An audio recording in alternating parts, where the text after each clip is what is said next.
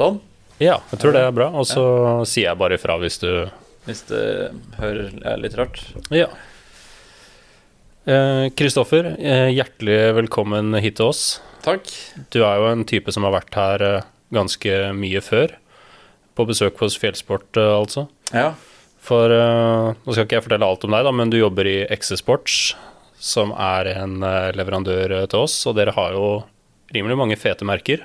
Ja, vi, er, vi har blitt kalt merkehorders, tror jeg. Eh, så vi er, er gjennom 20-25 år med liksom drift, så har vi, har vi, fått ganske Vi har bytta en del varemerker også, men uh, har en ganske stabil gruppe med merker, føler vi nå, da. Og det er jo ganske lite jålete merker.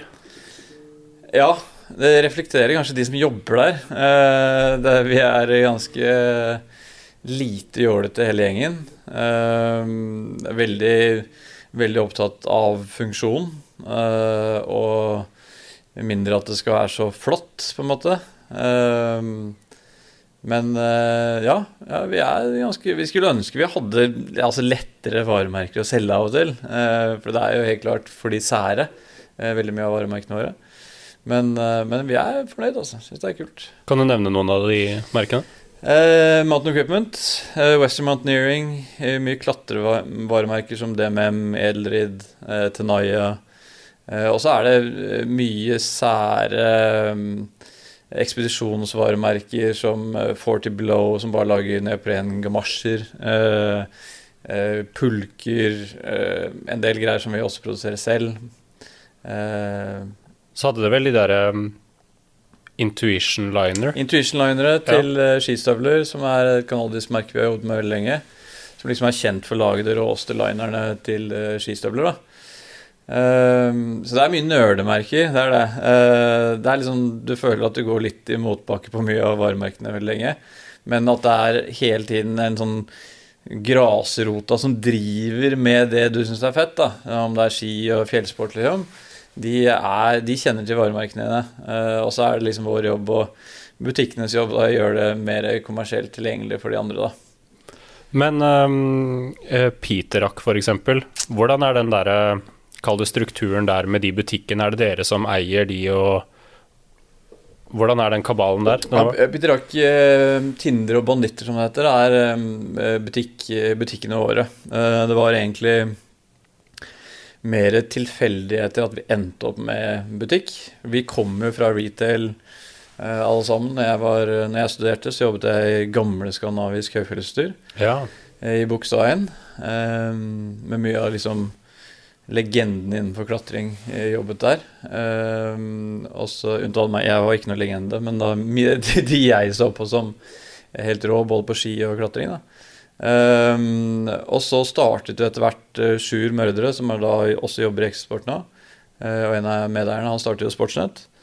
Uh, og, så, og, så, begynte han jo da i Exosport etter hvert. Og så plutselig så begynte, var det en annen butikk som startet i samme lokale som Sjur starta Sportsnett en gang i tiden. Oh, ja. Som trengte hjelp, sin driftsmessige hjelp. Og som ville at vi skulle gå inn, da, fordi vi hadde kjennskap til området og mye av vare, varepakkene hans. Eh, og så til slutt så ville, ville ikke de drive, drive det mer. Eh, og da var vi så allerede så investert i det konseptet der at det endte opp med at vi tok over leiekontrakten. Eh, og begynte sånn litt i smått, da. Eh, for da hadde vi også mistet ganske mye av de større butikkene som vi hadde i Oslo-området før. Ja. Um, uh, og da Vi hadde liksom de viktigste som vi ville jobbe med. Men pga. en del eh, krav som vi ikke kunne imøtesette da, med andre eh, butikker, så valgte vi å gå en annen vei. Da. Og da endte vi opp med en butikk som på en måte gjorde det lettere for oss å håndtere det markedet.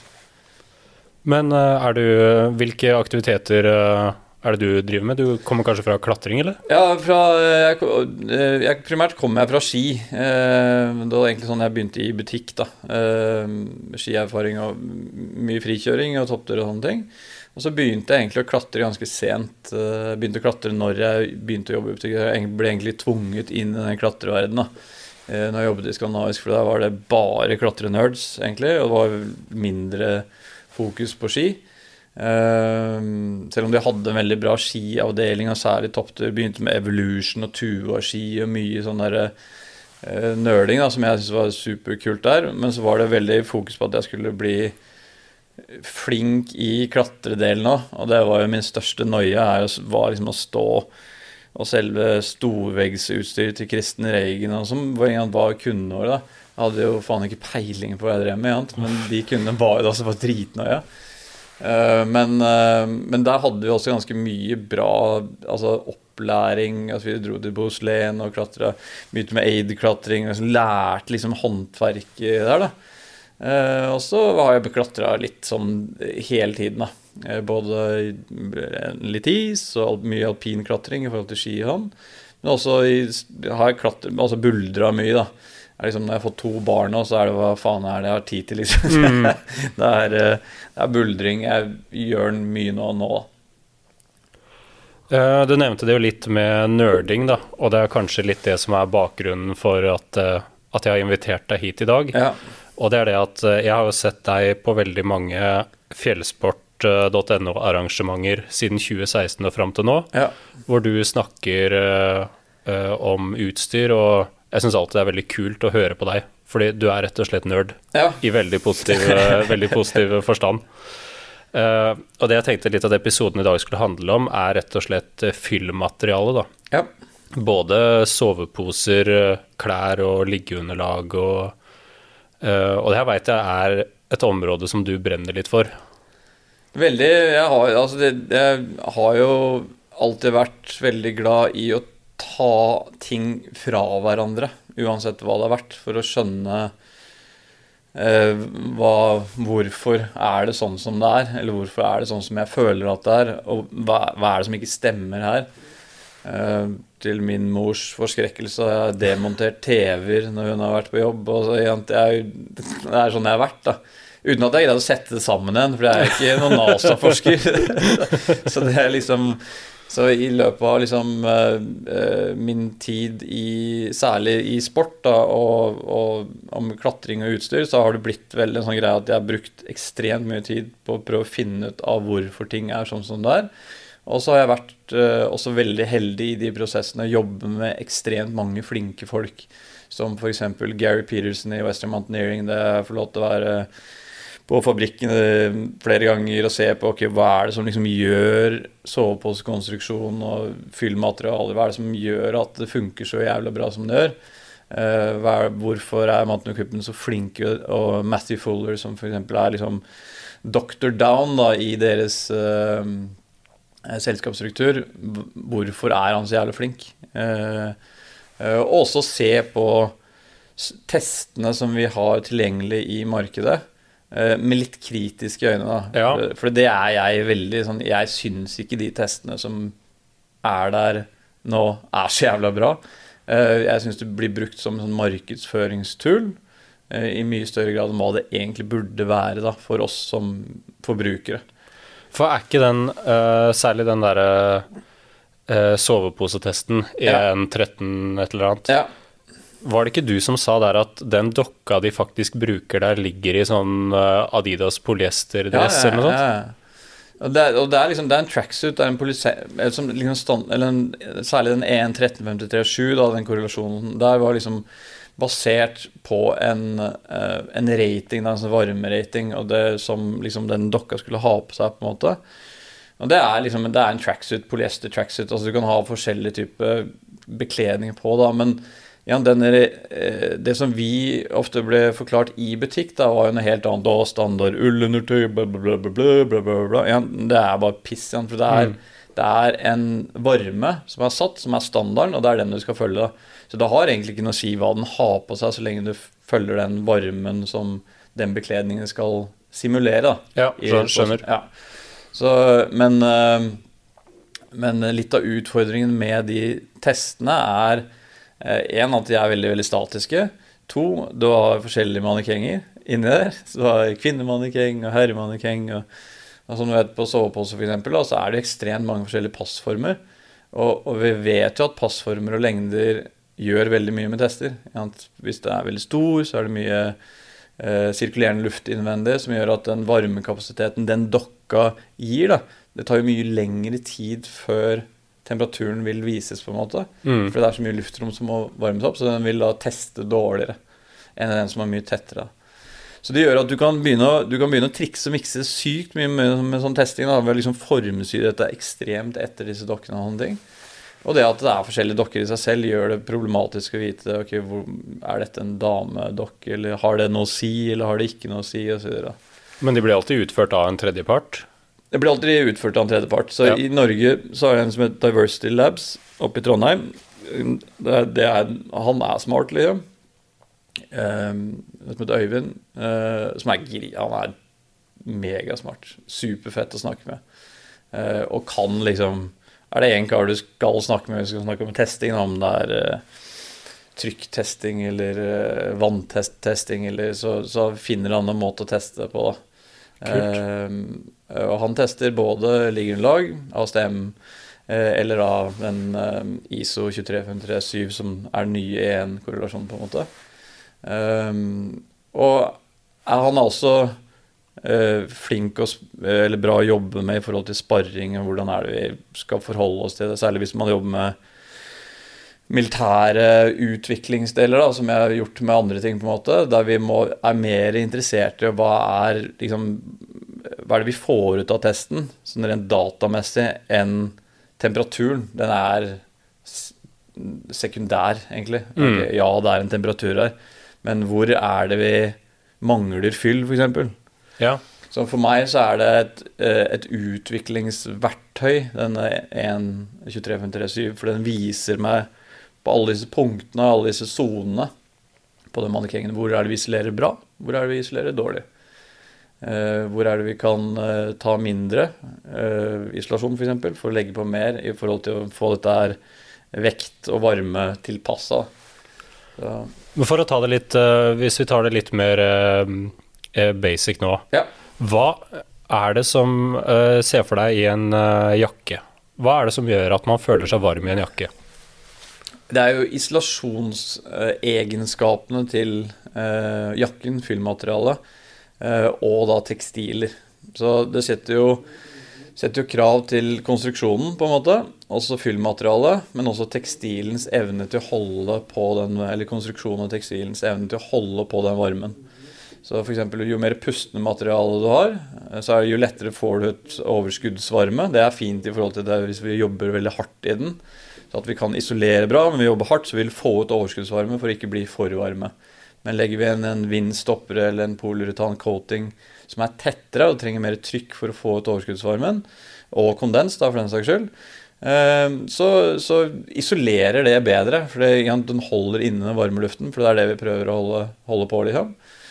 Eh, Men det er mer kondens i forhold til at vi jobber hardere i. da. Så man kan på en måte si at jo mindre et eh, plagg puster, jo varmere er det. Egentlig. Det er altså, greier å, særlig man greier å holde på den varme lufta da, i større grad. For det er, det er jo litt det samme at du beveger deg i om det er en sovepose eller eh, sovepose eller et eh, dunjakke. Så beveger man seg i plagget. Så alt man komprimerer, og særlig isolasjonsmateriale, så skaper man jo trykk innvendig i plagget eller soveposen. Og det gjør at man presser ut all den der gode luften, eh, liksom varme delen som vi har faktisk brukt eh, energi da, på å varme opp. Så, og det merker du fort forskjell på en, noe som er helt vindtett, f.eks. Og sånn testmessig så bruker man jo vifter ja, med tre meter i sekunder som blåser på ytterstoffet, for å simulere sånn utendørs-ish bruk. da. Eh, Og det er jo for å prøve å skape en sirkulasjon i materialet, men også i kammerkonstruksjonen, Mm. eh, som er en simulert konstruksjon. da. Det er akkurat som hvis du tar en sovepose og legger deg ute, f.eks., og det blåser mye, så kan du ikke tro at den posen vil funke like bra som testingen sier. For det er, eller ligger i hengekø, f.eks., der du komprimerer hele posen.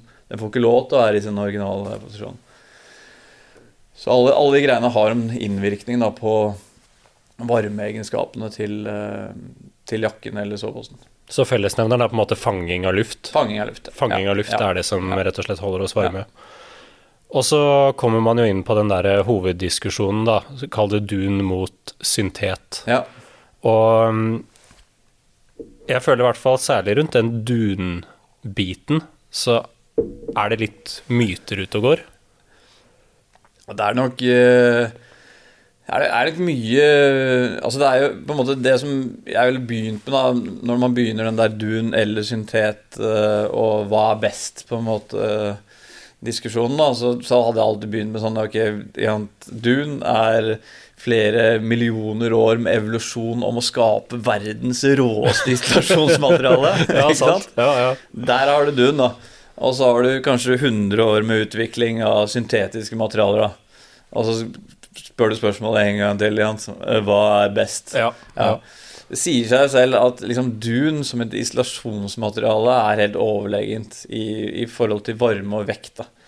Ehm, det er jo det vi snakker om i isolasjon. Det er jo Særlig i forhold til alpinisme, ekspedisjoner og. Det er varme- og vektforhold som, er, som vi tenker på da, når vi snakker. og Det er derfor liksom, dun er så sinnssykt bra. Uh, måten uh, liksom, et duncluster konstruksjonsmessig greier å fange luften, er helt sinnssyk. Hvordan den er lagd, liksom. Det er, jo, det er jo helt fantastisk å se på, liksom. Og så prøver vi å lage noen sånn kjip imitasjon med noen nylongreier eller polyestertråder. og så ja, det er, det er, men det er veldig bra i mange, mange forhold. Mm. Ja. Så ja, står du Skal du ha én type sikringsjakke i forhold til is, da, og det er vått og kjipt og faenskap, selvfølgelig, det er syntet. Om du velger Primalopt eller Climashield eller en bra fiber, da, så, så, så, er det mye bedre. Uh, uansett hvordan det blir å henge på det. For det som ofte er setning nummer to i den diskusjonen, er jo at dun klapper sammen når det blir fuktig. Ja, ja. Hva er dine erfaringer rundt det? Ja, det er, det er jo liksom det er sånn, Men hvor fuktig må det være før det klapper sammen? Da? Yes, så. Det blir jo aldri nevnt. Nei, så, men det er også en sånn der lengre diskusjon i forhold til Ok, hvorfor øh, skal vi bruke impregnert dun? Mange tror jo at liksom det imprinerte duene er noe, ja, noe vi kom med for fem år siden. Men dette er jo egentlig noe som kom på markedet på 80-tallet. Oh, ja. Eh, de første sånne impregneringene av duene, eller teflonimpregnering eller fluorkarbon-impregneringer. Og da var det liksom Markedsføringen var da Mountain Equipment hadde også, jeg skulle egentlig hatt det med her, så du kunne sett det, men da var liksom markedsføringen var en dude med bart og langt hår med pipe som kom opp av vannet med en kul, kul dunjakke, liksom. Der det Nice. står liksom 'waterproof' eller eh, 'waterproof down'. Da. Så dette er, dette er jo ikke noe nytt. Eh, og for, for, liksom, for min del, og for også de jeg har snakket mye med, så er dette snakk om ok, hvis vi skal beskytte isolasjonsdelen, så så beskytter vi det med ytterstoff. Ja. At vi Istedenfor å impregnere setene inni kabrioleten din, så tar du på taket ja. ja, hvis det begynner å regne. Uh, og, og benefitten ved å impregnere det er såpass liten eh, i forhold til det å beholde de naturlige delene av når du, Særlig når du kjøper så bra dun. Det er snakk om veldig veldig dårlige dunkvaliteter, eh, så kan det være en benefit med å impregnere det. Fordi der er det jo litt forskjellig linje hvilk, eller hvordan merkene legger seg. Ja.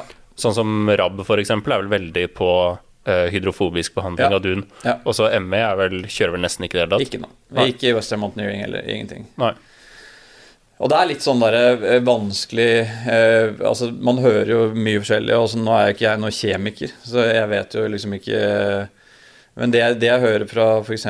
Gary Peterson fra Western Mountaineering, som han bruker veldig mye tid på eh, å se på eh, hva, hva slitestyrken eh, på dette her. Eller når vi påfører f.eks. en kjemisk behandling av noe som er naturlig. da beholderen sin naturlig Det som er så fint med dun, da, er jo det at du kan komprimere det, vakuumkomprimere det i et år, liksom. Så lenge det ikke er noe fukt eller noe kjemikalier inni der.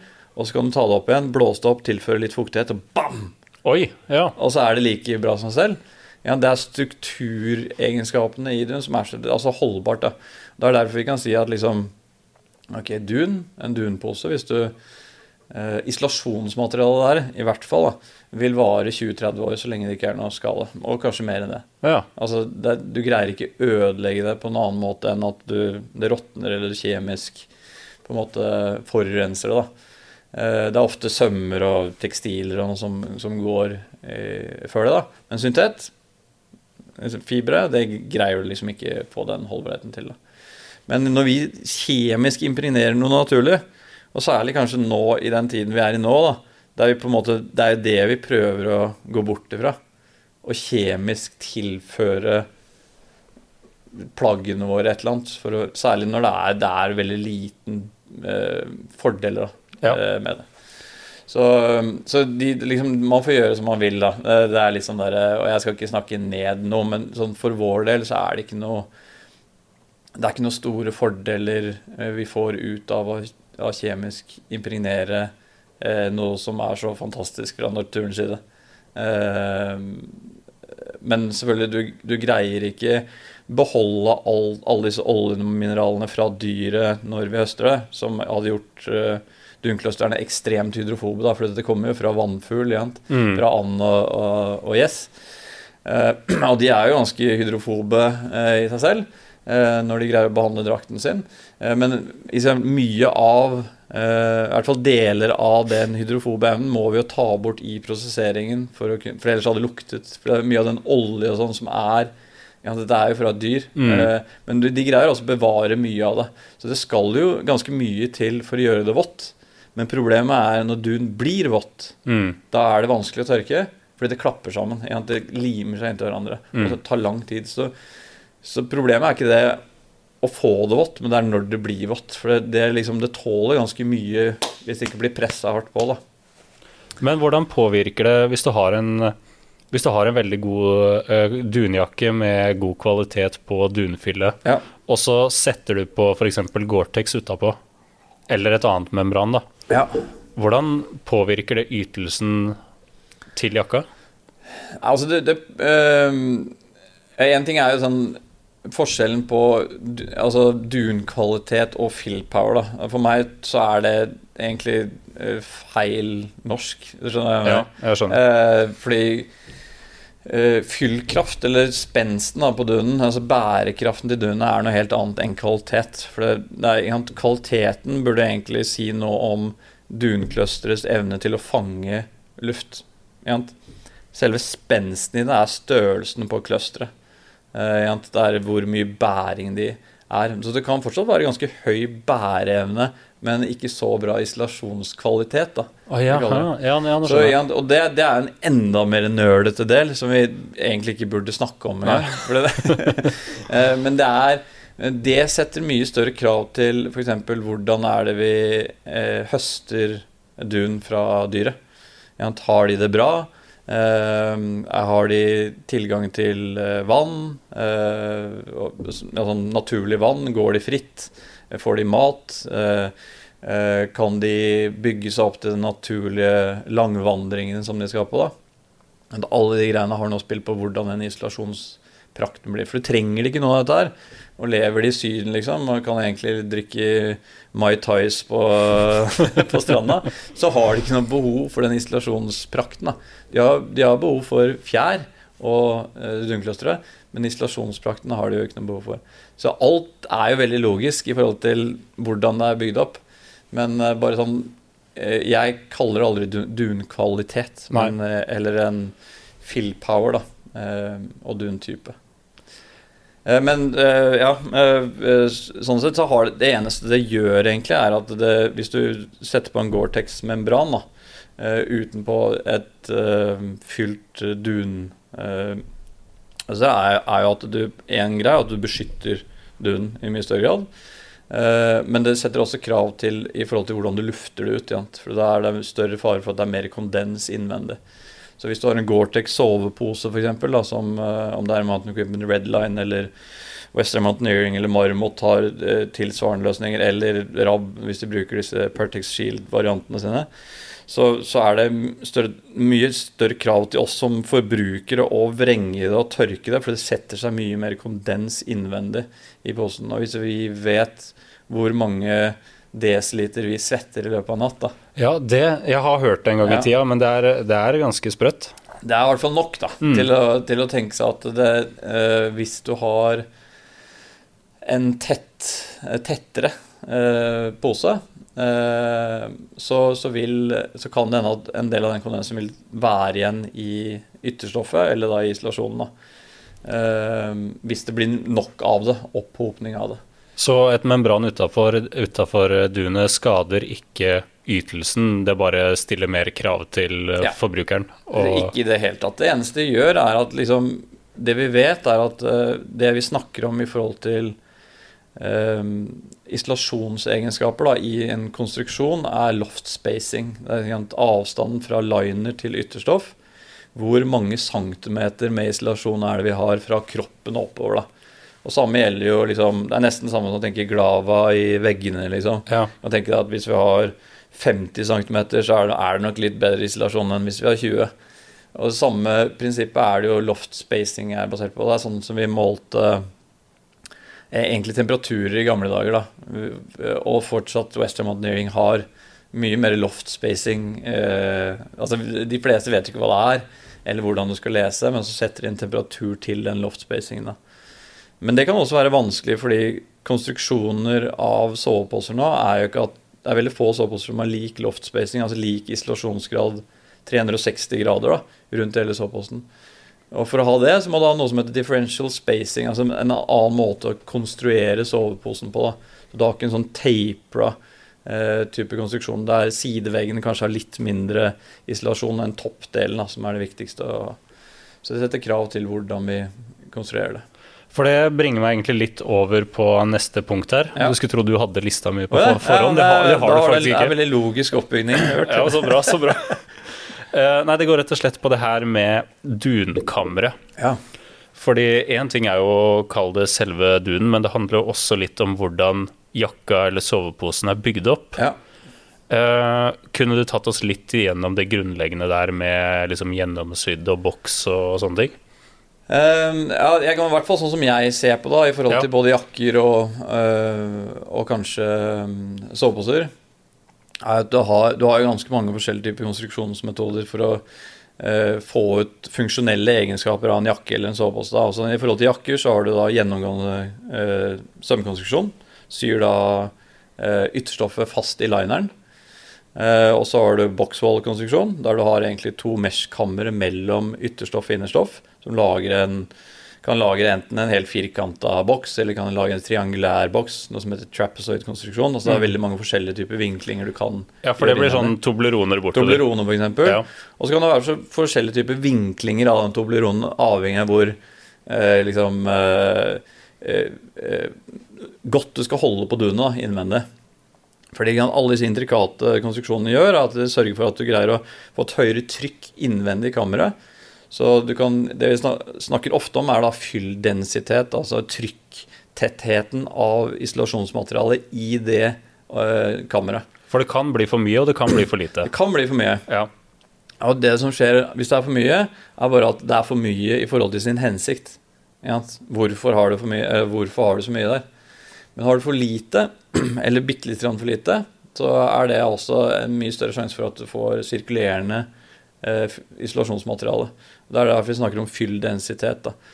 Så hvis du ser på Og det kan liksom en sluttkunde se på produkter. Da. Hvis du ser på et uh, dunprodukt, om er dunjakke eller en sovepose, og ser du sånne svære, svulstige kamera. Om det går på Cubus, da, for eksempel, eller et eller annet sånt Hennes Maurits dunjakke. da svære kamera ser, det ser jo jævlig varmt ut, men greia er at all dun ekspanderer jo ekstremt mye når du lar det ekspandere ekstremt mye. Men problemet med det er jo at den, siden fylldensiteten innvendig er så løs, altså det er ikke nok dun til å fylle hele kammeret, så med en gang du begynner å bevege deg da, så vil jo dunet sirkulere innvendig. Og vi vet jo hva vi prøver å unngå med å fylle ja, det det, er jo nettopp det. at det skal sirkulere. For Ja. da mister vi da eh, varme. Men sånn eh, gjennomsydd eller stitch eh, through, som Ja. det kalles, det er kall det den billigste løsninga. Det er den rimeligste måten å gjøre det på, men det er også den mest effektive måte eh, i forhold til å lage noe som beveger seg ekstremt bra med kroppen. Eller f.eks. at du vil ha noe som isolerer sånn fast and light-isolasjon. Altså, Rab gjorde jo det for veldig bra med sin microlight når de lanserte den. Det kanskje var noe av den første sånn derre super fast and light, alpin eh, type tankegang, dun-greie, mens alt annet før det var veldig sånn ekspedisjon, svære dunjakker og så døve ut. Så det gjorde de ekstremt bra, og var en av de første som liksom gjorde det bra. Så kom mange etter, etter de, da. Eh, nå har det blitt et fashionplagg. Vi kaller det pølsedunsjakka, på en måte. Og litt fordi liksom også konstruksjonsmessig så har du fått så mye bedre alternativ. Så det jeg ville kjøpt, da, sånn funksjonsmessig eh, til det man bruker som en mellomdun eller mellomlagsjakke, hadde jeg alltid kjøpt en syntetjakke. Mm. Altså en tynn primaloft eller et eller annet der, for det gir meg mye mer spillerom da, på hvordan jeg skal bruke det. Men som en fast and light-variant så er det vanvittig pakkbart og, øh, og, effektivt. da. Så da funker Stitch through Veldig bra. Ja. Eh, og så har du da bokskamre, som du lager for å få enda mer isolasjon. Eh, bedre så du har ikke noe kuldebroer eh, i konstruksjonen din i det hele tatt. For det blir liksom rette vegger. Du har lik isolasjon hele veien. Eh, utfordringen med boksvoll er at det er mye mer statisk. Så det er mye vanskelig å få en plagg til å bevege seg med kroppen din, særlig armløft i forhold til jakker og sånne ting. Da. Det heiser deg mye mer opp. Ja, Klatrerelaterte jakker. Klatrerelaterte ja. jakker, Så da bruker du kanskje en sånn uh, en hybridkonstruksjon da, mellom gjennomsydde eller noe som heter plisserte kamre, uh, for å få bevegelser i jakken med en god isolasjon. Det er vanvittig forskning, det greiene her. altså. Det er mye sykt, teknologi. Sykt mye kult. da, Og måten de gjør det på, sånn særlig Eh, isolasjonsegenskaper er én ting, er jo hvordan du konstruerer den innvendig med sånne, men også hvordan den beveger seg. For det, Vi to kunne lagd en jakke som hadde vært kjempevarm her, med tre-fire forskjellige kamera. Men når vi begynner å bruke den med seler og aktivt, ok, hvor greier den å holde på de egenskapene, eller ikke? Og Det er der vi feiler, fordi vi ikke har nok erfaring og ikke kan sy ordentlig. Fordi vi greier ikke få den til å holde de egenskapene gjennom to uker med knallhard tur. da. Ja. Og det er det du kjøper et plagg for, eh, eller en sovepose. Og det er det som jeg syns er så fett med å jobbe med det vi jobber med. At det er ikke noen forskjell på hva eh, Tom Livingston klatrer med på 7000-8000 meter på de hardeste jævla førstebestigningene enn hva jeg kan gå og kjøpe i butikk og bare Nå skal jeg opp på liksom, high camp, liksom. Mm. Så i, det er ikke noe forskjell på det produktet. da. Eh, så det er sinnssykt mye forskning som går inn i det for å få det til å bli så bra som mulig. Og ofte syns jeg det er litt, litt sånn verdsatt av sluttkundene at man ikke nerder nok med greiene sine. For det er så mye fett inni der mm. som er brukt mye tid på å tenke, tenke på. da. Men mange dunjakker, f.eks., noen har jo veldig eh, smale Eller de har eh, smale og mange kammer. Ja. Noen har færre og større. Ja. Hva, er, eh, hva blir forskjellen der? Altså Mye er jo design eh, i der. Eh, men det du får med mange og smale kamera, er jo det at du får en jakt som lufter ut bedre. Altså du får isolasjon akkurat der du trenger det. For du lager egentlig bare en isolasjonsdel rundt kroppen din, på en måte. Men du slipper ut også varmen som du lager mye større grad så vil jeg si at veldig mye av alle disse intrikate sømgreiene med smale ditt er for å se annerledes ut. Det, sånn ja. der, det som gir deg isolasjon, er loftspacing eh, og da kammerstørrelse, på en måte. Eh, og så vil det være sånn at hvis du har et kammer med dun, og så har du ikke noe eh, på en måte, Hvis du sveiser kammeret, og så har store ledd med ikke noe isolasjon, så er det jo ikke noe isolasjon der. Nei.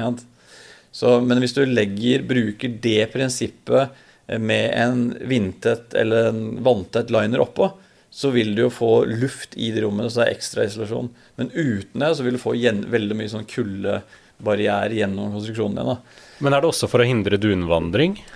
At, eh, at man har eh, mange kamera? Det er det klart. Så, eh, men du, du, kunne gjort det også med fylldensitet. du kunne bare fylt kammeret tettere, så hindrer du også dunvandring. Ja. Det at du syr masse sånne kamera, gjør jo at du mister for hvert hver sying du gjør. da. Jo mer isolasjon mister du. Mm. Eh, og vekta øker? Og vekta øker jo sånn egentlig. Det øker jo bare med en tråd, på en måte. Ja. Men, men, eh, men, jeg syns veldig mye av den derre greia har blitt veldig mye design. Eh, og det skal det jo også være, på en måte. Eh, og så er det noe i forhold til passformer og hvordan det beveger seg med kroppen din. Hvor mye liksom, sømmer og hvor du legger sømmene kan si, ha å si. da. For sånn som den Kryos-jakka. Ja. Den har jo vunnet litt priser og liksom har blitt tatt jækla godt imot ja. av kundene våre. og Den har jo på en måte et heldekkende eh, hva skal jeg si, stoffstykke utapå, så der ser du jo ikke noe kammer forfra. Nei.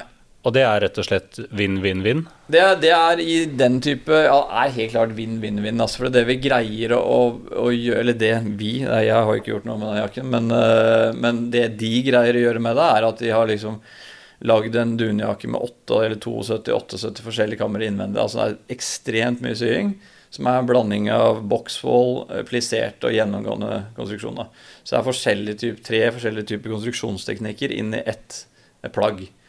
Hvis du hadde sydd alt dette tradisjonelt, så hadde du ikke greid å gjøre det. Du hadde ikke greid å få det til. Men her kan vi egentlig tenke å sy jakken eh, inwards out, da, i reversert, og så legger vi bare på et beskyttelseslag utenpå for å beskytte hele denne konstruksjonen. Og da får du helt sinnssyk bevegelsesfrihet, pluss at du får også en lufthinne mellom isolasjonsmaterialet og ytterstoffet. Mm. Og igjen Som er fange luft. Ja. Så igjen fanger luft. Som, som gjør det isolasjon. Så én ting er også at noe vi ofte ikke tenker på, er jo også da i kulde, eksponering over lengre tid, eh, så er det jo sånn at vi varmer jo opp en del, og kulda kommer jo fra utsiden. Og så møtes jo kulda og varmen et eller annet sted ikke i konstruksjonen vår. Og noen ganger så møtes jo den der vi ikke er så keen på at den skal møtes Ja. i isolasjonsmaterialet. Og når varme og kulde møtes, så blir det kondens. Kondenserer det, så fryser det. Og det er ofte en sånn liner ut, på utsiden gjør, da, er at du får den kondenseringspunktet mellom stoffene. ja. Lengre bort fra lengre der bort du vil ha det. selv- Ja. Det er der du ikke vil ha det. Ja. Mm. Så det er, det er eh, Og det gjør liksom at det er lettere å tørke opp eh, systemet ditt. da. Eh, og jakken tørker rett og slett raskere av seg selv.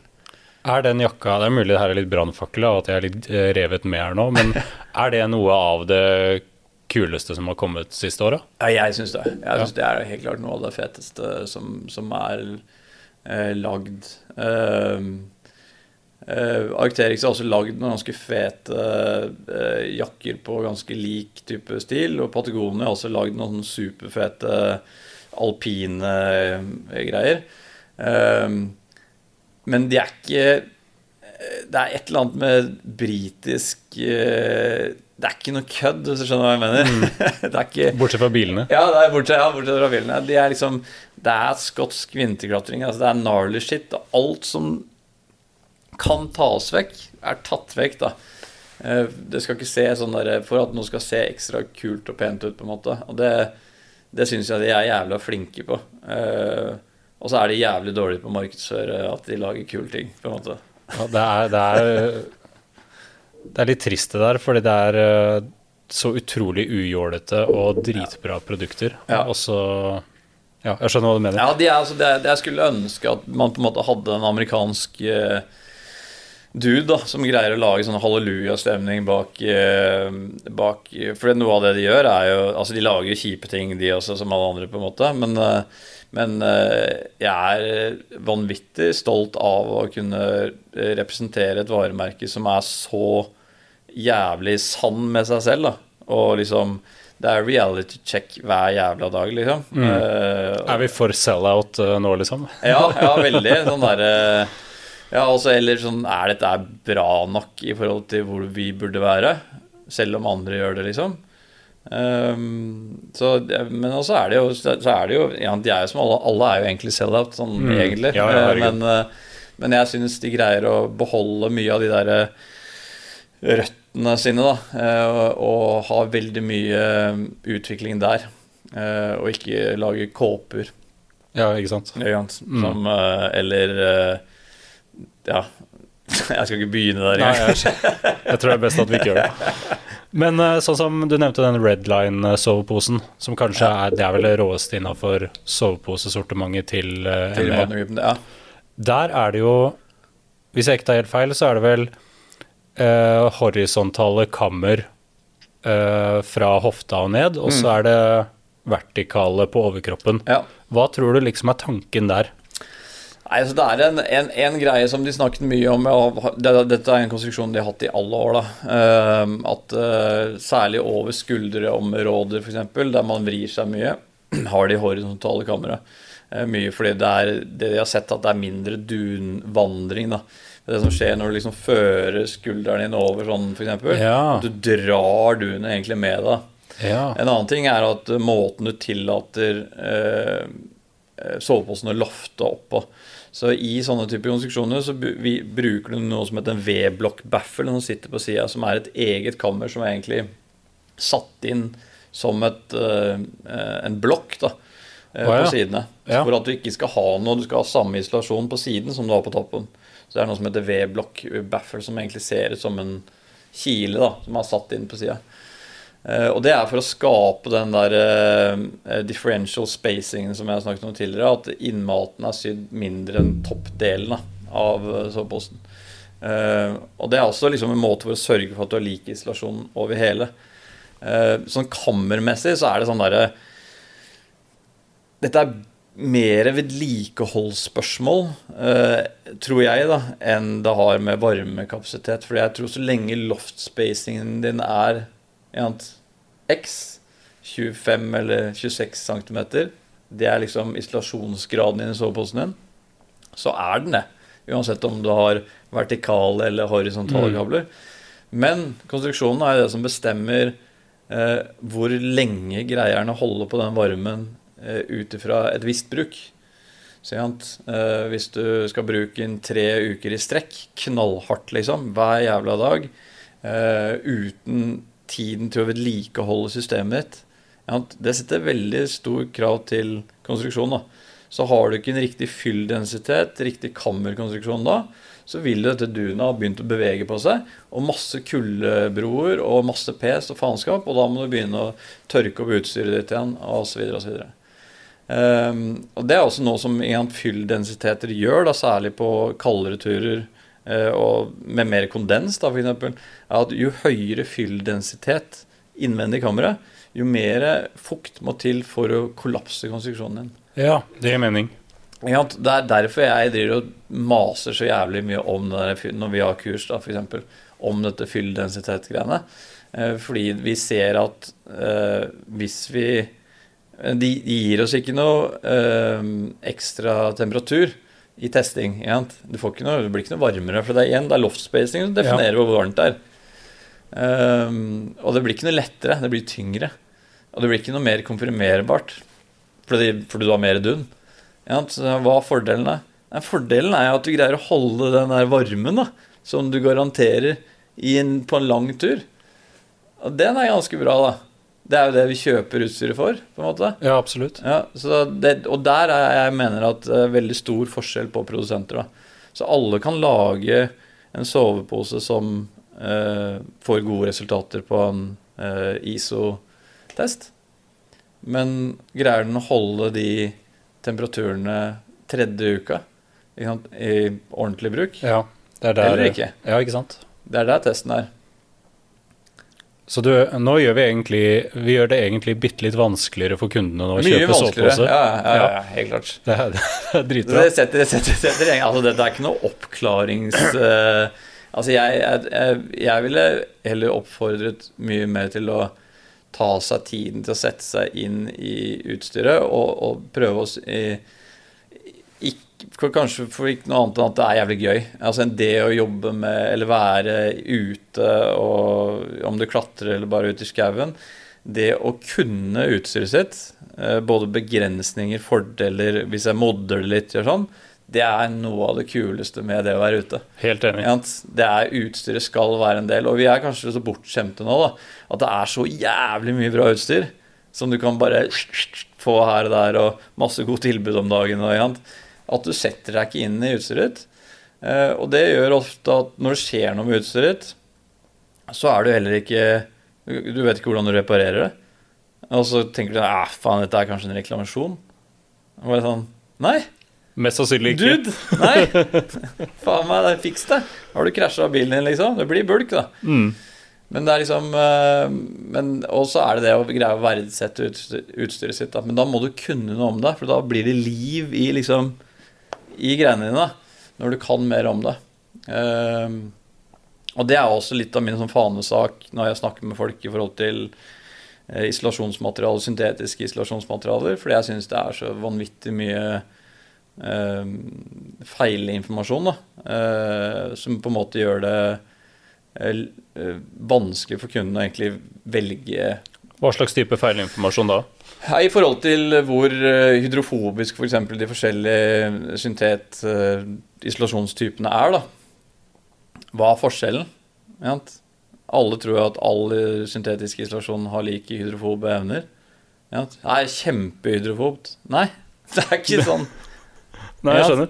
Det er noe som er veldig hydrofobt, og så er det noe som ikke er så veldig hydrofobt. Og der er vi litt tilbake på det med myter og er- ja, usannheter. Yes. Ja. Mm. Og der er liksom det øh, og, og det vi snakker om, er at liksom øh, det markedet vårt nå da, ikke er villig til å kjøpe, da, er dyre syntetposer. For det tror vi at det ikke er. Men det er ekstremt stor forskjell på syntetmaterialer og hvor bra det er. Så igjen, hvis du kjøper en dunpose nå, da, en god dunpose, om det er fra Mountain Grip eller Rabb eller eh, ja, liksom en av de gode Western Mountaineering, gode produsentene, på en måte, så har du potensielt en pose som kan vare igjen 20-30 år, hvis du tar vare på det ordentlig. Uten å liksom det er, ikke noe, det er sånn er det. Mm. Du ødelegger ikke det isolasjonsmaterialet hvis du ikke ødelegger sømmer. Ja, blir det hull i, det kan du lappe. Er det en søm som går opp, det kan du sy. Ja, det, er, det er ganske sånn enkle prosesser. Er det mye, kanskje hvis det er mye lekkasjer inn, så må vi kanskje ende opp med å bytte den. Men isolasjonsmaterialet i seg selv som er inni der, det kunne vi egentlig bare tatt ut og så brukt i en ny sovepose. For det holder seg. Jant.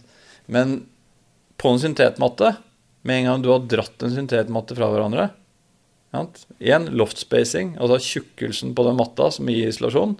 Drar du den fra hverandre, ja, for du snakker om selve materialet nå, ikke sant? selve materialet. Ja, og det er jo det som er Det er selve materialet som gir isolasjonsegenskapene. Med en gang du drar en matte fra hverandre, så lager du da fallgroper innvendig i materialet. Ja, og når den har gått ned fra å være 5 cm til 3,5 cm, så er jo det en potensiell kuldebro. Mm. Og dette vil skje hver gang du støffer og ut og inn og ut og inn. Og ut og inn. Og det er der det er en veldig veldig stor forskjell på det de kaller staple fiber og continuous filament. Og 99% av alt man har i butikk, er stample fibers. Det er korte, korte, korte små fibre som limes sammen ja, i en smelteprosess. Og disse korte, små fibrene har masse sånne små, harde bindingsgreier som går fra hverandre. Ja. Ja, og når de går fra hverandre, den strukturen, så får de fallgroper, og da greier den ikke beholde varmen sin. Loften forsvinner. Så holdbarheten på dun og syntet ja, Det er to forskjellige verdener. Ja. Det er gøy at du sier det, fordi jeg har nesten gått fullstendig over til syntetiske jakker. Ja, Ikke sant? Jeg bor på Østlandet. ja, Vintrene her nå, uansett hva man mener om eh, klima, mm. de blir varmere og våtere, syns jeg, da. ja, Jeg er mye ute med bikkja på hundetrening. Ja. Uh, jeg har bare begynt å sverge helt til syntetjakker. Ja. Jeg synes, eh, Og gjerne syntetjakker med uh, kall det vanntett membran ja, utapå. ja, ja. Jeg syns det har liksom blitt den ultimate østlandsjakka nå. Men jeg merker også litt forskjell på de forskjellige materialene Ja. i bruk. ja, Sånn som for eksempel, jeg syns Coreloft ja. fra Arcterix eh, Det blir jo litt enkelt å si, da, men jeg syns det er varmere enn Primaloft. ja, ja. Og så ble jeg veldig i tvil. Er det fordi det kanskje puster Hele jakka puster mindre? ja. Eller er rett og slett materialet, kall det, bedre? Ja, det er litt, du måler jo det i TOG, da, eller så i varmekapasitet per kvadratcentimeter. Altså, du kan jo måle selve varmekapasiteten til eh, isolasjonsmaterialet i seg selv. Um, og det kan godt være at det er varmere, eller at konstruksjonsmessig sammen da, med tekstilen og sånn gjør at det føles varmere. på en måte. Uh, og så har det noe med at noe er mer reflekterende. altså det er høyere Også tetthet. Hvis det er vevd veldig tett, f.eks., så reflekterer det også mye av den varmen din i en større grad. da. Så en gammel, Men det er veldig stor forskjell på en gammel Primoloft og en ny Primoloft. Ja. Absolutt. Så de gamle Primaloft-jakkene vi brukte mye før, var ekstremt tette, altså veldig sånn tettvevde duker. Med, og det gjorde at de reflekterte varme ekstremt mye. Eh, veldig, veldig hydrofobt. Og helt perfekt i forhold til å bruke sånn sikringsjakke når du over Gore-Texen. Du skal bare ha varme, liksom. Ja, du, skal, du skal være 100% sikker på at nå Ja, blir jeg varm. Ja, nå blir jeg varm, liksom. Samme om det er pissvått og alt er kjipt. Uh, og, så, vet du at hvis du prøver å begynne å bevege deg i det, så blir du altfor varm. Ja, det, er, det er en sikringsjakke. Så det er en av bakdelene med det. Eh, men så har de liksom har de begynt å lage andre typer materialer nå, som er noe som istedenfor en sånn horisontal, horisontal spinning, så har de begynt med vertikale spinninger, som gjør at du får mer sånn trekkspilloft. Oh, ja. ja. Eh, Så du får mye mer luft i selve fiberet. Eh, Det gjør også at du beveger deg mye smoothere, for det var en av bakdelene med gamle Primolofs-greier. At det liksom ja, clunky, liksom. Må veide mye og, og eh, ganske store, da. Eh, men nå får du en sånn derre eh, miks da, av igant, veldig bra eh, refleksjonsvarmeverdier, eh, komprimerbarhet og bevegelse, da, som er helt sykt bra. Eh, Så der har skjedd mye. Men jeg er helt enig i at det er ganske mye forskjell på varmeegenskapene til, til fibre. Men det som er den største forskjellen, mener jeg, er slitestyrke og uh, hydrofobe evner. ja. Ikke sant? Eh, For det er det du kjøper, på en måte, hvis du kjøper en isolasjon, eller en syntetisk isolasjon. da. Så, og så spør jeg deg hvorfor kjøper du en, en uh, syntetisk istedenfor dun. Og sier du nei, for hvis den blir våt Ok, da ja, det, den blir ikke ja, ja, fuktig og bla, bla, bla. Så sier jeg, ok, du kjøper de hydrofobe evnene. Er det ikke interessant for deg å vite hva er forskjellen på de hydrofobe evnene i forhold til den og de andre greiene? Absolutt. Men hvor står det noe sted? Nei, det er Ja, det gjør ikke det. Så, så det vi egentlig kjøper et produkt for ja, Forskjellen på dun da, og liksom syntet, annet enn prisen, på en måte, er da hydrofobe evne. Og så er det ingen som snakker om det, på en måte. Er ikke det rart? Det er bare sånn vedtatt sannhet Ja, om at ja, at eh, alle er like. ja, denne er syntetisk, så den tåler fuktighet. Ja, men det er jo ikke sant. Nei. Ja, det, ja, det tåler jo fuktighet, men det er jo forskjeller. At noe er silikonisert, noe er ikke. Noe er sånn, noe er ikke. Konstruksjonen er sånn. Noe er liksom, ja, det er kjempemasse forskjeller der. Og det er det som gjør det så fett. Ja, men der ligger prisen. Men for min del så tror jeg også det handler litt om den der vaskebiten. Ja, ja, Jeg føler, at det, jeg føler at det er mye mindre komplisert å eie og bruke en syntetjakke hardt. Ja. Da. Men der er det også igjen, øh, og det er jeg helt enig i, men der er det også jævlig stor forskjell på da, hvor hardt du kan vaske en staple fiber eller en continuous filament. Men vet du Ja, hva altså, du har? Nei, nei, jeg gjør ikke det på stående fot. da. Ikke sant? Nei, Det men det er- er ingen som Det er veldig, veldig sjelden man vet det. Ja. det er, er, og det er det jeg mener at igjen, alle de delene her setter premisser på hvordan du skal bruke vedlikeholde utstyret ditt, igjen, egentlig. Eh, Og det er vi som på en måte, og jeg også, for dårlig til å kommunisere. Prøver å være flink, men er helt klart altfor dårlig til å liksom kommunisere. For det blir jo veldig nølete og geekete veldig ofte. Men, eh, men det er litt sånn opp til folk som bruker utstyr veldig mye. Om det er redningsmann eller eh, fjellklatrer eller er Eller en skogsdude da, som bruker ting skitt, får blod på Altså masse greier. Som bru og vasker ting hele tiden. Ja, de tenker på faen, denne tåler jo alt. Mm. Og så er de ferdige med den tanken.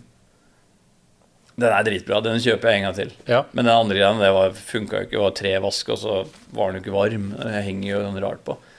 Men det er jo forskjellen på fibre også. Så hvis vi tar en spot-test på alt du har på lager, og alt jeg har på lager, og så tar vi liksom det råeste og det Ja, så ser vi veldig stor forskjell. Altså varmekapasiteten på den vi kanskje vasker to ganger, som ikke er så rå, da, den er ikke det samme etter to vask. Nei. Men der er det det. Men hva er det, øh, i dine øyne, hva er det råeste syntetiske isolasjonsmaterialet til jakker øh, nå om dagen? Det er litt avhengig av øh, øh, hva du skal bruke det til, da. Eh, men øh, sånn konstruksjonsmessig, hvis du skal lage det i soveposer, så ville jeg brukt Climate Shield. Eh, og Climate Shield Apex er liksom det, det råeste fiberet vi har vært borti. Sånn. Og det har med hvor stabilt eh, det er. Eh, de har en aquaband-behandling av fibre som gjør at det er veldig veldig hydrofobt. Og for oss som liksom, liksom kjenner til fra way, way back in time, så er det liksom samme eh, fiber som uh, Iteris eh, brukte i den dual belay parka, som de kaller Thermatec. Da. Det er en Climber Shield Apex. Altså det, er, det, det er brukt i mange produsenter, men du har lov til å kalle det eh, hva du vil, da. Ja, jeg skjønner. Eh, så, men det er ekstremt bra fibre. Det er continuous filament. Produseres i USA. Eh, grisedyrt. Eh, men bare, og egentlig ikke sånn veldig lett eller super men det, det er jobb, da. Det er dritbra, liksom. Superbra. Til klær, da? Til klær eh, både, Du kan både Thermotec eh, eller eller Climate Shield Apex, men også Primoloft syns jeg har gjort en altså, helomvending da, på, på hva de bruker i, i forhold til at jeg syntes det var veldig tungt før. Ja. Uh, Men eh, nye, nye greiene som de bruker, som heter uh, Primloft Gold, Highloft, Ultra med crosscore, bla, bla, bla. bla. ja. Er det den som er Fitzroy? Ja, det er Fitzroy og Citadel og veldig mange andre som bruker det. Alt av det som er i Gold-serien, på en måte, er sinnssykt bra. Og vi har veldig veldig mye bra tilbakemeldinger fra de som jobber i redning og, og profesjonelt også på det fiberet. Eh, at det bare funker ekstremt bra, da. Eh, så, men igjen, det er jo mye av eh, mye av fibre som er litt vanskelig å vite, sånn som Corloft, da, som Arcteryx de kjøper jo fiberkvaliteter av mange forskjellige. Mm. eh, og brander det til sitt eget. Og mye av det er bra. Det eneste jeg er obs på, er veldig ofte eh, fyll som er ekstremt mykt, altså kjempeluftig og veldig mykt. Det er ofte veldig små tråder som er limt sammen, altså sånn staple fiber. da. Og for meg så er det en kvalitetsdel, da, hvis det ikke skal være sånn superlight uh, pakkbar greie, da aksepterer jeg det. Hvis det skal være en bruksjakke som skal tåle mye, da trenger jeg noe som er mye mer stabilt. da. Så liker jeg også uh, uh, Fedless-type isolasjon, der du blåser inn syntetisk isolasjon. ja, det stemmer. Så det syns jeg er superspennende. Eh, fordi det gir høyere loft enn det tradisjonell eh, mattespinning gir. da. Eh, og, og lavere pakk, eller høyere pakkbarhet og mer loft. da. Ehm, så det, ja, Og så er, det- så er jeg veldig glad i alfa, polartic alfa. Også. Jeg syns det puster helt sinnssykt bra. Men eh, hva tenker du om eh, både jakker og soveposer som har kombinert syntet og dun? Er det fremtida? Nei. Nei? Jeg, jeg gikk i min Altså, det er godt mulig jeg kommer til å bite meg selv i ræva nå. Ja, ja, Men eh, jeg tror ikke det. Eh, det er på en måte Én ting er Det er noen som prøver å liksom fusjonere verdenene. At du har liksom dun og syntet inn i samme type kammer. oi, ja. Og så er det noen som deler opp i konstruksjonsmessig at du kanskje har syntet eh, innerst, og så har du dun øh, over.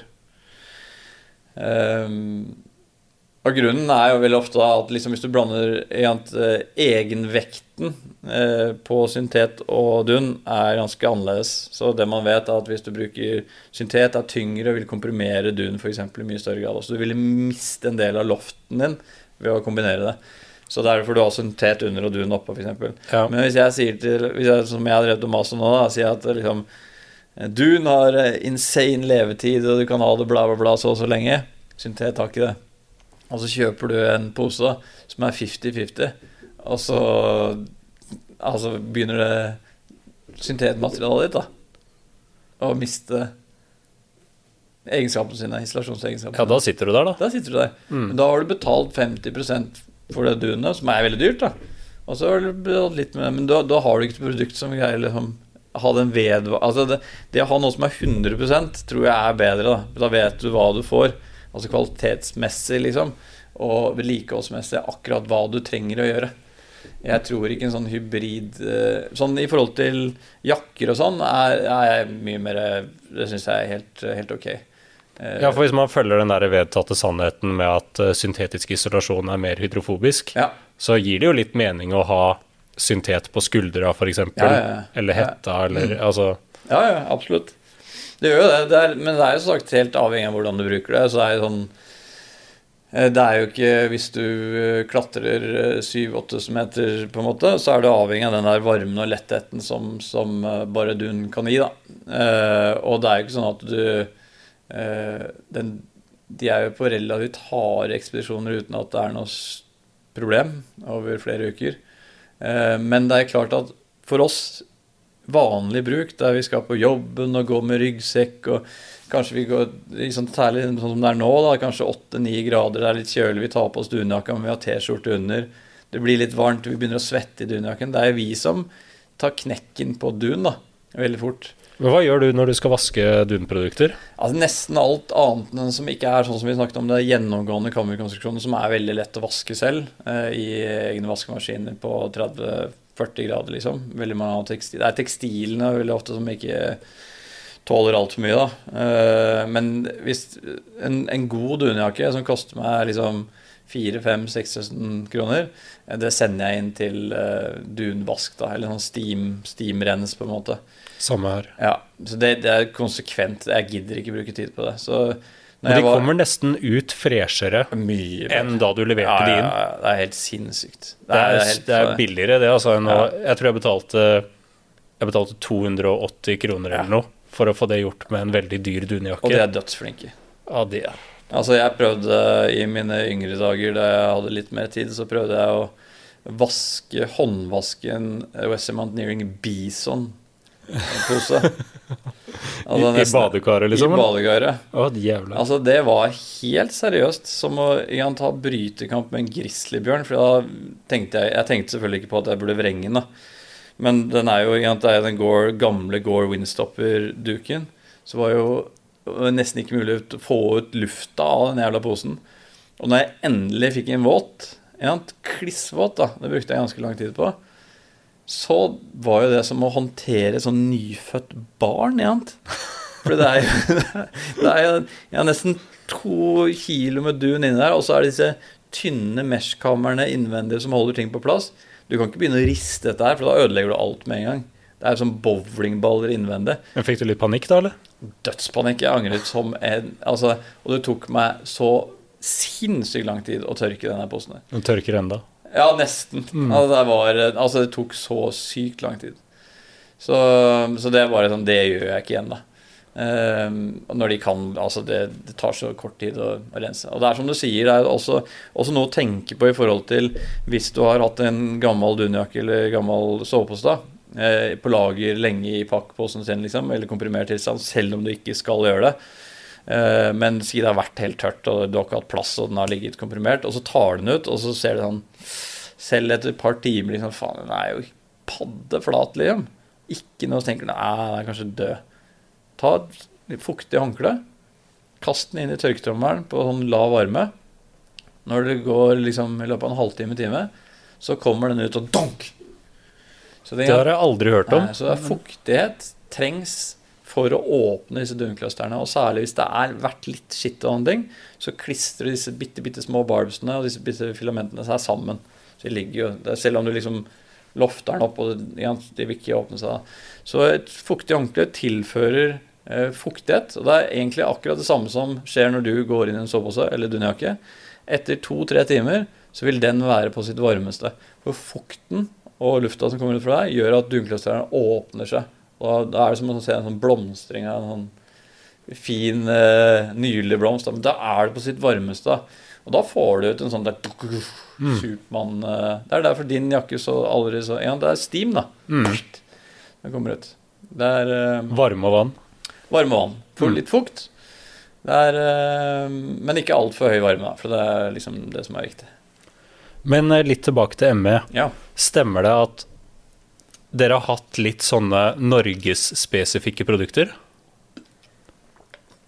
Ja, vi, vi har eh, vært veldig heldige med at vi har fått lov til å være med på utvikling av modeller som er eh, mer tilpasset det skandinaviske markedet. da. og mye av fordi vi har så mange folk i Norge som er så glad i å være ute. Eh, og på hardere turer, lengre turer, og er keen på svære, tjukke dunjakker. Eh, litt det samme som med Storsekk og Norge, liksom. At Norge har vært det eneste markedet der vi faktisk har solgt helt sinnssykt mye storsekker. Og kjøpt jævlig tjukke dunjakker for å gå rundt i byen. Mm. Men også på lengre turer, da, at vi har vært Vi er nok en mer kravstor kunde enn veldig mange andre land har, da. Sverige er litt mer fashion. danskene er, gjør sin egen greie. Uh, mens nordmenn er liksom litt mellom. Vi er veldig flinke til å bruke utstyr og bruke det hardt. Uh, så da har vi fått lov til å bruke uh, designerne til å lage egne modeller, kom, kanskje kombinert med forskjellige typer konstruksjoner og forskjellige typer fyllmaterialer. For å lage våre egne soveposer, f.eks. Så, sånn som Glacier Expedition for eksempel, da, var, var jo egentlig en pose som vi lagde som het Glacier 1300. Ja, det mener jeg å huske, faktisk. Ja, så det var en, eh, var en pose vi lagde spesifikt til grønlandskryssinger. Da, og da var det en av de første gangene vi jobbet eller tok, begynte å se på fylldensitet, f.eks. Hvor mye det har å si. da. Der vi hadde så mye dun at vi kunne presse ekstra dun i bånn, f.eks. Eh, som gjør at du har en mye høyere isolasjonsfaktor i, i bånn av soveposen din. Selv om du liksom, vekta ligger jo der, men at du greier å ha litt mer motstand, gir ganske mye i forhold til varmen, eh, varmekapasiteten på hele systemet ditt. da. Men er det noen sære ting du syns at nordmenn krever som de ikke gjør i resten av verden? For Jeg, jeg har hørt f.eks. det der med glidelåser under armene Ja. på skalljakker. Ja, At det er en sånn derre kall det norsk eh, greie. Veldig norsk greie. Uh, og det vet jeg ikke helt om vi Lurer på en jævel som kom med det først. Han burde egentlig vært tatt livet av. men altså, det har jo noe for seg, men det er, jo- det er jo mer en sånn komfortdel, uh, egentlig. Men det er jo også en potensiell svak Kjempesvakhet Ja. på alle mulige måter. Og det er derfor, liksom, hvis du skal ta bort pusteevnen til Gore-Tex, så setter du på en glill, åpner du en glill og sender armen. Eller, ja. For da mister du trykket innvendig som gjør at du liksom puster, og da kondenserer du i hele den greia der. Men allikevel så er det jo en, i et sånn, si et turplagg, da. i at Du skal gå rundt Sognsvann, skal ha noe som er vindtett og kanskje tåler litt vann, på en måte. Og du går i et behagelig tempo, så er det make sense å ha en lufting der. Kanskje du blir, tok på deg litt for mye under, og ok, luft ut. Ja, Da er det ikke noe stress, da. Men vi setter det jo fortsatt på altså alpine klatrejakker, liksom. Der det har ikke, altså det har ikke noe grunn til at jeg er der. Men vi bruker det også selv som en utlufting. Så vi er veldig sånn der Jeg tror ikke markedet eller proffene på en måte har funnet ut helt om er dette noe vi syns er digg, da. Men eh, jeg har brukt mye begge deler selv, og jeg merker helt klart forskjell. At den eh, Mest på bevegeligheten er å tar du bort den glidelåsen her, så tar du bort ganske mye hassle med hvordan armløftet får og sånne ting. da. Aha, ja. Så For du må gjøre en del med disse panelene og sånne ting for å få disse glidelåsene til ikke kan sitte der og være litt kjipe og sånne ting. Men, eh, men du trenger det ikke. Har du prøvd Octajarn? Ja, ja, masse. Fy Eh, søren, så digg ja. det er. altså Det er nesten sånn ikke begynn med det engang. Eh, Fordi Da sitter vi her en time til. Ja, ja, ja. Ja, men vet du hva, gjerne. Eh, Jeg må bare starte. Jeg kjøpte den der Kinesis-buksa til ME. ja, Og det er, det er det deiligste plagget jeg tror jeg har kjøpt på mange år. ja. Det er helt sinnssykt. Det er så forbaska lett og komfortabelt, og jeg har liksom slutta med stillongs, da. Jeg bare tar på Ja. den. Ja, det er, det er, det er nesten altså det er Jeg egentlig veldig glad for at du tar det opp. For er, jeg, jeg tror nesten at det er eh, et sånn eh, fiberflis-type. da Ja, vi må nesten ta det ned og forklare hva det er. Ja, altså det, er, det er egentlig et Det ser ut som en flis, en veldig hårete flis, da, men det er et imitasjon egentlig av isbjørnpels. Det er et hult flisfiber med åtte forskjellige tentakler da, og står ut av, som en sånn okta-jarn eller okta-mønster, liksom. Og så er det da igjen evnen til alle disse tentaklene til å lokkes sammen, som gjør at det da med han fanger luften. Både at det er hult og disse tentaklene rundt gjør at du greier å fange luften, men også evnen da til å få ut overskuddsvarme og tørke samtidig. For dette er jo 100% polyesterfiber, behandla polyesterfiber, og supertynt, så det bare Så er det liksom Så er det tørt, da, hvis det blir litt fuktig. Men det er jo helt Hvis man kan være så si det så enkelt, da. Det er jo jævlig varmt Det er dritvarmt. Det er sykt varmt. til den lave vekta. Ja. Altså Det er ikke veldig mye forskjell på en veldig tynn isolasjonsjakke og en nesten Og en supertynn jakke med Nei. oktajarn inni. Ja, jeg, jeg mener at det er liksom når det kom ordentlig Altså, du har jo Polartec Alpha, som er egentlig det samme, bare at du har en liner. Men eh, Polartec Alpha i, uten lineren Så det er liksom hvis du, hvis, Dette er jo en alfa, så hvis jeg tar ut den- denne her, så ser det litt ut som en oktajarn innvendig. da. Bak lineren? Ja, baklineren. ja. Så problemet med den eh, her er at den er altfor ustabil, så du kan nappe ut greiene. Og det er mange som har prøvd på det før, men vi var sånn det der kan vi ikke bruke, for det er hvis vi først skal begynne den diskusjonen om eh, plastikk og mikropartikler og hele greiene der, så er det i hvert fall det kan vi ikke bruke. Vi må ha noe som er mye mer stabilt og mye mer slitsterkt. Og det oktajern er det. Um, og du kan kjøpe oktajern i mange forskjellige typer formler, men akkurat den som du brukte i Kinesis og den Switch Pro Hooded f.eks., det er liksom det råeste som jeg har brukt eh, noensinne. da. Og det er eh, Men hvis ikke folk begynner å kjøpe det snart, så blir det borte. Nei, faen. Jo, vi, kan, altså. vi kan ikke risikere det. Nei, nei, det er helt jævlig. Men det er sånn absolutt hvis det er ett sånn derre plagg jeg på en måte er trygg nok på at alle som driver er aktive, da, på en måte, eh, vil digge, og du kan bruke på så mange forskjellige måter, så er det eh, Kinesis og eh, Switch Pro Hooded og alle Og egentlig eh, Arcteryx bruker også noe Octajarn i I hvert fall noe av den Pro-serien sin, så bruker de det. Det er helt fantastisk. Eh, men det er jævla få som kjøper det. Dessverre. Enda. Det er fryktelig synd. Ja. Nei, men jeg tror eh, egentlig eh, at vi begynner å runde av, ja. ja. Er du fornøyd? Ja da.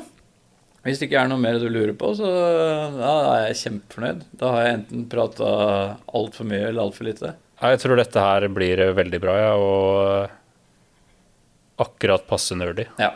ja. Det er det jeg tror er Hvis vi får frem i hvert fall at folk eh, blir mer glad i å lære seg begrensninger og informasjon om utstyret sitt, og gjerne sett høyere krav til både oss som leverandører og, og butikkene om å, å, lære seg tingene sine, så du får eh, gjøre fornuftige valg, da. Um, så ja, da håper jeg folk kommer til å gå ut og nyte utstyret sitt på en litt annen måte. Vi satser på det. Ja. Så eh, inviterer jeg deg tilbake hvis eh, det er noen andre temaer eh, vi kommer på. Ja. Eller som du kommer på. Ja. Det var veldig hyggelig. Likeså.